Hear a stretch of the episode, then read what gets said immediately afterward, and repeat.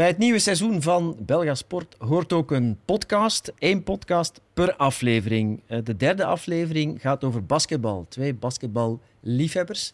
Mannen die basketbal eten en drinken. Dennis Sayed en Dirk van Nijverseel.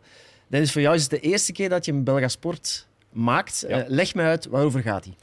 Over een van de grootste traditieclubs in het Belgisch basketbal, die nu al een hele tijd niet meer bestaat. Die al bijna 30 jaar verdwenen is ehm, en is opgegaan in wat nu de Antwerp Giants is geworden. Eh, Racing Maaspils Mechelen, eh, een ploeg met een heel rijke geschiedenis van de jaren 50 tot en met midden jaren 90. Maar een club die heel veel mensen die geboren zijn in 1990 of later compleet vergeten zijn. En wat Ja. eigenlijk heel jammer is. Dus we wilden die opnieuw even naar boven brengen en mensen laten zien wat voor een geweldige club dat is geweest. Ja, Vergeet de Glorie. Dat is ook Ja. de titel van de aflevering. Dirk, waarom wilde jij eh, per se deze erbij hebben in het nieuwe seizoen? Omdat ik heel mijn leven basket gespeeld heb en dat wij bij Belga Sport nog nooit een aflevering over basketbal Is gemaakt de hadden. allereerste? De allereerste aflevering over ja. basketbal. Ja, ja. En ik heb als kind, als, als jonge gast, eh, in die zaal gezeten. Ik ging naar Racing Maaspils Mechelen kijken. Ik heb heel mijn jeugd met nummer 5 gespeeld, omdat Erik Strulens, hè, de, de, de center van Racing Maaspils, dat was mijn groot idool. Ehm, en ik kreeg regelmatig wel de vraag van, ja, waarom hebben jullie nog nooit iets over basket gemaakt? Dus, Ja. En als je iets over basket maakt, is er in België maar één man, en dat is Dennis Sayed, die je dan moet vragen om daar iets over te Ja, maken. jij kent er heel veel eh, over. Ik, ik niet. Ik heb wel Van Kerschaver ooit geïnterviewd als coach eh, van, van Mechelen toen. En hij had het ook door dat ik eigenlijk niet veel van basketbal Dat is een eh, beleving, hè, die mensen, Ja, die mensen interviewen. Dat was wat- hij keek ook zo daarbij van, wat zijn dat voor vragen? Dat was echt wel, eh, wel heel fijn om te doen. Ehm, ehm, de glorieperiode van Mechelen, hoe, hoe oud was jij toen? Ehm, toen die echt begonnen is, ze hebben hun eerste titel gewonnen in 87, want het gaat Ja. over de periode onder Lucien van Kerschaver. Die is daar coach geworden in 83 en het verhaal is geëindigd in 95. Dus bij hun eerste titel was ik nog geen twee jaar. Ah ja, Maar dat is wel, ik ben beginnen basketten op mijn, op mijn vijf, met mijn vader basketten. Ehm, ik kom uit een basketbalfamilie. Dus dat zat al wel, ik kende dat wel wat, maar dat was meteen, als het over Belgisch basket ging, was er één ploeg waar je naar keek. Was er één ploeg die gewoon alle verbeelding tartte en dat was Racing Mechelen. Dat was echt de dominante ploeg toen. Maar vooral ook, want je hebt Oostende nu bijvoorbeeld, die, zijn, die gaan op zoek naar hun twaalfde titel op rij.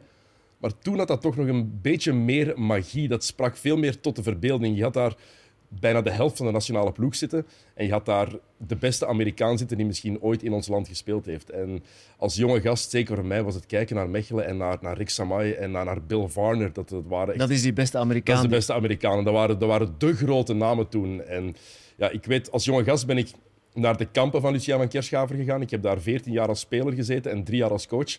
En die eerste jaren, ja, heel die ploeg van Racing Mechelen was daar. En ik vond dat fantastisch om al die mannen, om al die mannen te zien. Dat was echt bijna zoals NBA-sterren zien toen. Oké. Hoe was het om Van Kerschaver te interviewen? Nu met, met de voorgeschiedenis die je, die je net schetst. Privé dan, want ja, je kent hem al lang. Hè? Ik ken hem al 30 jaar intussen. Dus ja, ik, ik heb ook effectief voor hem op die kampen gewerkt. Dus wij hebben een, eh, een redelijk goede redelijk goede band wel persoonlijk.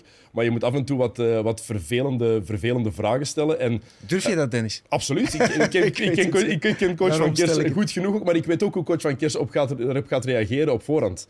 Ehm, ik weet bepaalde onderwerpen die hij uit de weg zal gaan. Hij is, ehm, dat is een heel speciale man. Ik heb die ongelooflijk graag, maar het is ook wel iemand met een handleiding.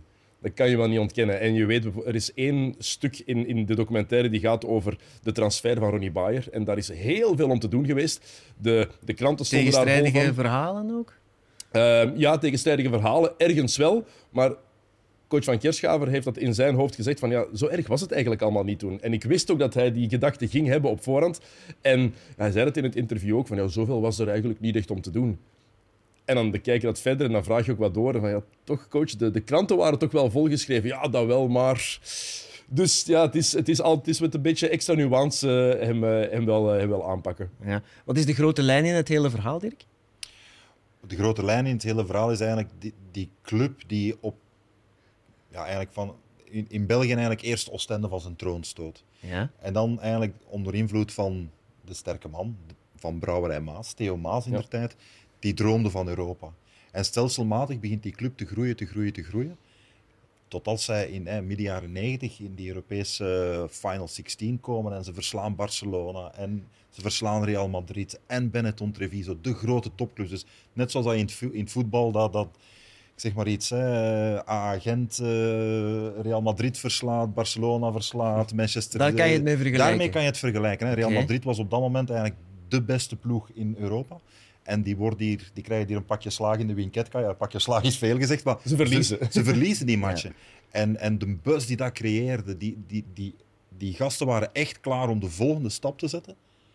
En een jaar later bestaat die club niet meer. Ja.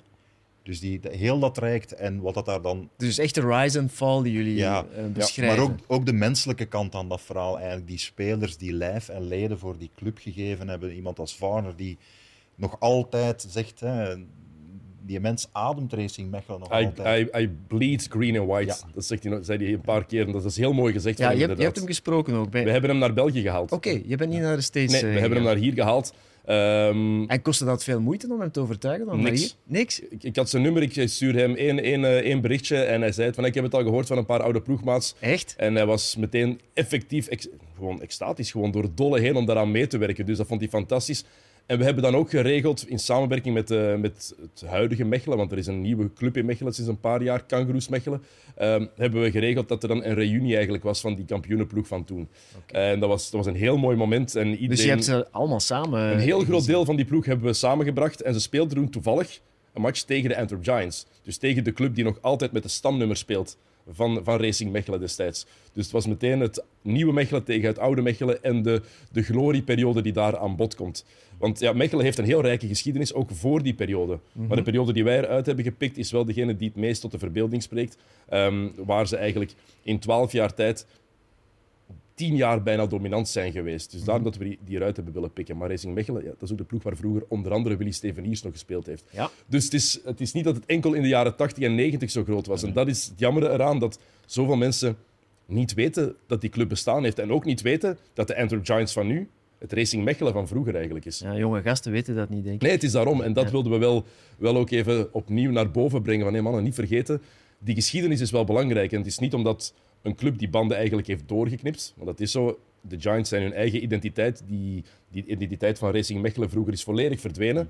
Maar dat betekent niet dat dat vergeten moet worden. Dat dat niet meer in het collectief geheugen moet zitten. Ja, vind bas- ik. basketgeschiedenis op een of andere manier. Bas, bas- basketcultuur? Ja, maar niet alleen dat. Sportgeschiedenis en sportcultuur zelfs. Het is een ploeg, zeker toen in die periode was er heel veel aandacht voor Belgisch basketbal. Kan je niet meer vergelijken met nu. Ehm, nu wordt daar amper iets over gezegd. Als je kijkt naar de, de kranten, het is pagina 8. Als je kijkt naar de sportprogramma's, basketbal is, ah, we zullen maar even daar een half minuutje over praten. Voor de rest wordt dat genegeerd. Toen was dat veel groter.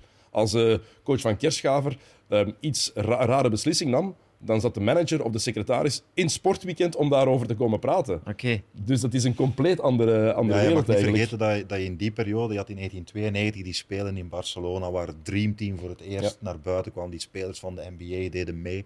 Dat heeft echt toen voor een, voor een basketrevolutie gezorgd. Ineens was basket de booming sport, dat was hip, dat was hot. En je had dan in België ja, die, die, dat sterrenelftal van, van Maaspils, die niet alleen die Belgische competitie, die domineerde sowieso, maar dan gingen die ook nog een keer die internationale sterren gaan, gaan verslaan. En dat had een soort van elan in basketbal. En het, het failliet gaan van, van Racing, of het, het stoppen van Racing Mechelen heeft eigenlijk die, die opkomst in, in midden jaren 90 van het basketbal in België denk ik voor een stuk ook afgeremd. Ja, het heeft, het voor een ander landschap ergens een beetje gezorgd. En zeker als je kijkt hoe, hoe Racing Mechelen dat aanpakte. ehm, ze zijn een beetje innovatief geweest, een beetje trendsetters geweest. Zij wilden daar een basketbalschool hebben waar de jonge talenten van, van, van heel Vlaanderen, heel België zouden komen spelen, die zij zouden aantrekken. Dat is uiteindelijk de Ajax-school geworden in Oostende, die al jaren bestaat. Dat is er in Mechelen niet van gekomen. En als je dan kijkt welke namen daar allemaal gespeeld hebben, bijna alle grootheden van midden jaren 80 tot en met midden jaren 90 in het Belgisch basketbal, die hebben in Mechelen gespeeld. Ronnie Bayer, Erik Struelens, Yves Dupont, Rick Samay, Jacques Stas, Paul Bayer. Ik kan, ik, ik kan 10, 15 namen opnoemen van mannen die daar allemaal begonnen zijn. Pieter Loridon is daar ook als jonge gast begonnen, bijvoorbeeld, om dan daarna mee naar Antwerpen te gaan. Het is iedereen die nog een beetje talent had en die in de buurt van het Antwerpse woonde, of zelfs verder, kijk naar Erik Struelens, die ging naar Mechelen. Dat was Ja. de ploeg toen. Ja, we hebben het gehad over Van Kerschaver, over Bill Varner. Wie zijn de andere dragende figuren in deze Belgasport? De, Ronnie Bayer, dat is er eentje van. Ehm, Dat is lang geleden dat we Ronnie Bayer eh, gehoord hebben. Hè? Ja, ja. misschien wel de beste point guard die België ooit gehad heeft. Maar een die- babbelaar, een goede Ja, prater. Hè? heel- heel goede gast. babbelaar. En die heeft ook voor het grootste drama in die periode gezorgd. De, de affaire Bayer is, eh, was, is, was een, van de moment, een van de zaken waar ik tijdens het maken heel veel van geleerd heb. Waar ik gewoon veel dingen nog niet van wist. Oh, dat is gebeurd. En die eens intriges waren er. Bayer zat bij, bij, bij Mechelen, hè? had daar nog een jaar contract. En toen kwam Oostende aankloppen. Ze wilden hem binnenhalen. Maar het Bosman-arrest was er nog niet. En Mechelen was daar niet echt blij mee. Ze zijn naar de rechtbank gegaan, eh, met alle gevolgen van dien. Eh, en het sportieve luik daaraan is dat ze net in het eerste jaar van Bayer bij Oostende tegen elkaar uitkomen in de finale. Right. Dus dat maakt het eh, helemaal eh, mooi. Ja. En eh, ja, de andere figuur, Ja? dat, is- dat is Rick Samay. Hè. Dat, daar begint alles eigenlijk mee. Hè. En het, het is een van de enige keren dat, dat Rick zo open gepraat heeft, denk ik. Want Rick, West-Vlaming, beetje, is, is ook geen, geen man met veel brani of die, die gaat uitpakken met, met straffe verhalen. Die mens heeft geen ego. Nee, absoluut niet. tien keer speler van het jaar, heeft geen ego. Maar hoe, hoe hij hier open naar zichzelf, met, met, met de recul van, van zoveel jaar, naar zichzelf gekeken heeft en dan heel open gepraat heeft, met dan is, dat is echt wel de moeite waard om Ja. te kijken. Ja. Het is jouw eerste Belgasport. Ja. Vond je het moeilijk om, om te maken? Ik vond het moeilijk om... Het, het, het proces van het maken is helemaal anders dan wat je gewend bent als je een andere documentaire of een jaaroverzicht maakt. Daar, ik ben het gewoon om de controle in handen te houden en Ja. er bovenop te zitten. Nu is het mijn verantwoordelijkheid vooral geweest om ja, voor de inhoud te zorgen. Ehm, De interviews? de interviews inderdaad, mee voor de beelden te zorgen, om het verhaal juist te zetten. Maar het proces van het maken, dat ligt in handen van, van onze regisseur, van Lievende Wispelaren. En die stuurt dan aan tijd een deel door. Wat vind je ervan? Dan geef ik feedback en dan past hij dat weer aan. En die controle loslaten vond ik ongelooflijk, ongelooflijk moeilijk. Maar langs de andere kant, ja, denk voor elke sportjournalist Ja, het is, is een Belga het is sport verrijkend maken. ook wel. Hè? Maar dat staat, dat staat bovenaan uw bucketlist. hè. Dat is, Ja. Als ik ooit één ding wil doen, dan is het een Belga sport maken. Dat was bij mij toch altijd het geval. Dus ik ben heel blij dat het er van gekomen is. Ja, en dan nog over basketbal. Ik neem aan dat jullie allebei super tevreden zijn dat er eindelijk een aflevering van Belga Sport over basketbal gaat. Ja, maar niet alleen dat. Algemeen, in het algemeen dat er een over basketbal komt, maar ook vooral dat het een verhaal is dat volgens mij ook wel dus de, de ruime sportliefhebbers gaat aanspreken. Maar dat, als je, dat vraag ik me af. Dus de basketballiefhebbers willen dit heel graag terugzien. De ruime sportliefhebbers, wa- waarom, waarom gaan zij geïnteresseerd kijken, denk je? Ik denk dat u meteen, meteen je aandacht trekt sowieso. Er zit van het begin een soort rivaliteit in en dat spreekt elke sportliefhebber wel aan meteen, denk ik. Vanaf seconde één wordt duidelijk, ah, het is Oostende tegen Mechelen en. Mechelen gaat de sterspeler van Oostende halen om beter te worden. Dat wordt al duidelijk in de eerste vijf minuten. En ik vind dat het een verhaal is dat je wel meteen, ja, dat meteen je aandacht opeist en waar je meteen meer van wil weten. Van oké, hoe, hoe gaat het nu verder en hoe gaat het dan weer verder? Ja. En dat is wat je moet hebben als je, als je een documentaire, een sportdocumentaire bekijkt, vind ik. Ja, ik vraag in de podcast die je bij elke aflevering hoort ook even welke fragmenten, verhalen de cut niet gehaald hebben. Is er zoiets bij, bij, bij jouw verhaal ook? Het, het gaat over een periode van 13 jaar. En om dat te, te bundelen in iets minder dan een uur, dat is al ongelooflijk moeilijk. Ehm, Maar zo'n fragmenten waar- waarvan je spijt hebt dat, dat het er uiteindelijk toch niet in is het geraakt? zijn voor- vooral anekdotes. Want Ja. ik denk dat we qua, qua inhoud redelijk Ja. compleet zijn geweest. Maar bepaalde anekdotes, als het gaat over Lucian van Kerschaver bijvoorbeeld. ehm, dat was een coach die bekend stond om zijn, zijn one-liners. Ehm, en dat is echt iets dat, dat, dat is synoniem met Van Kerschaver. Zoals eh, You can't stay up with the owls and fly with the eagles. eh, there is no I in team. En zoveel van die andere die hij er per se uit wilde halen. Maar ook, het is een man die heel ehm, direct kon zijn. En dat zijn er verhalen zoals in dat ze, in, dat ze op verplaatsing waren, ergens, ergens gingen spelen. En dat er boksen in de kleedkamer gingen. En dat daar ineens muziek uitkwam tijdens de bespreking voor de wedstrijd. Een normale coach zegt dan, ga even vragen om die boksen af te zetten. Nee, Lucien van Kerschaver pakte een schaar, knipte de draden door en het was gedaan met die muziek. Zo'n verhalen hebben we er jammer genoeg af en toe uit moeten halen. Ja, Oké, maar verhalen genoeg inderdaad eh, voor een boeiende Belga sport. Dankjewel eh, Dennis, dankjewel eh Dirk. Ik denk dat jullie ehm, heel hard jullie best hebben gedaan, of het was zelfs niet nodig, om mensen, mensen warm te maken. Ook de niet-basketballiefhebbers, die gaan zeker kijken. Ehm, dus de eerste, de allereerste Belga sport over basketbal.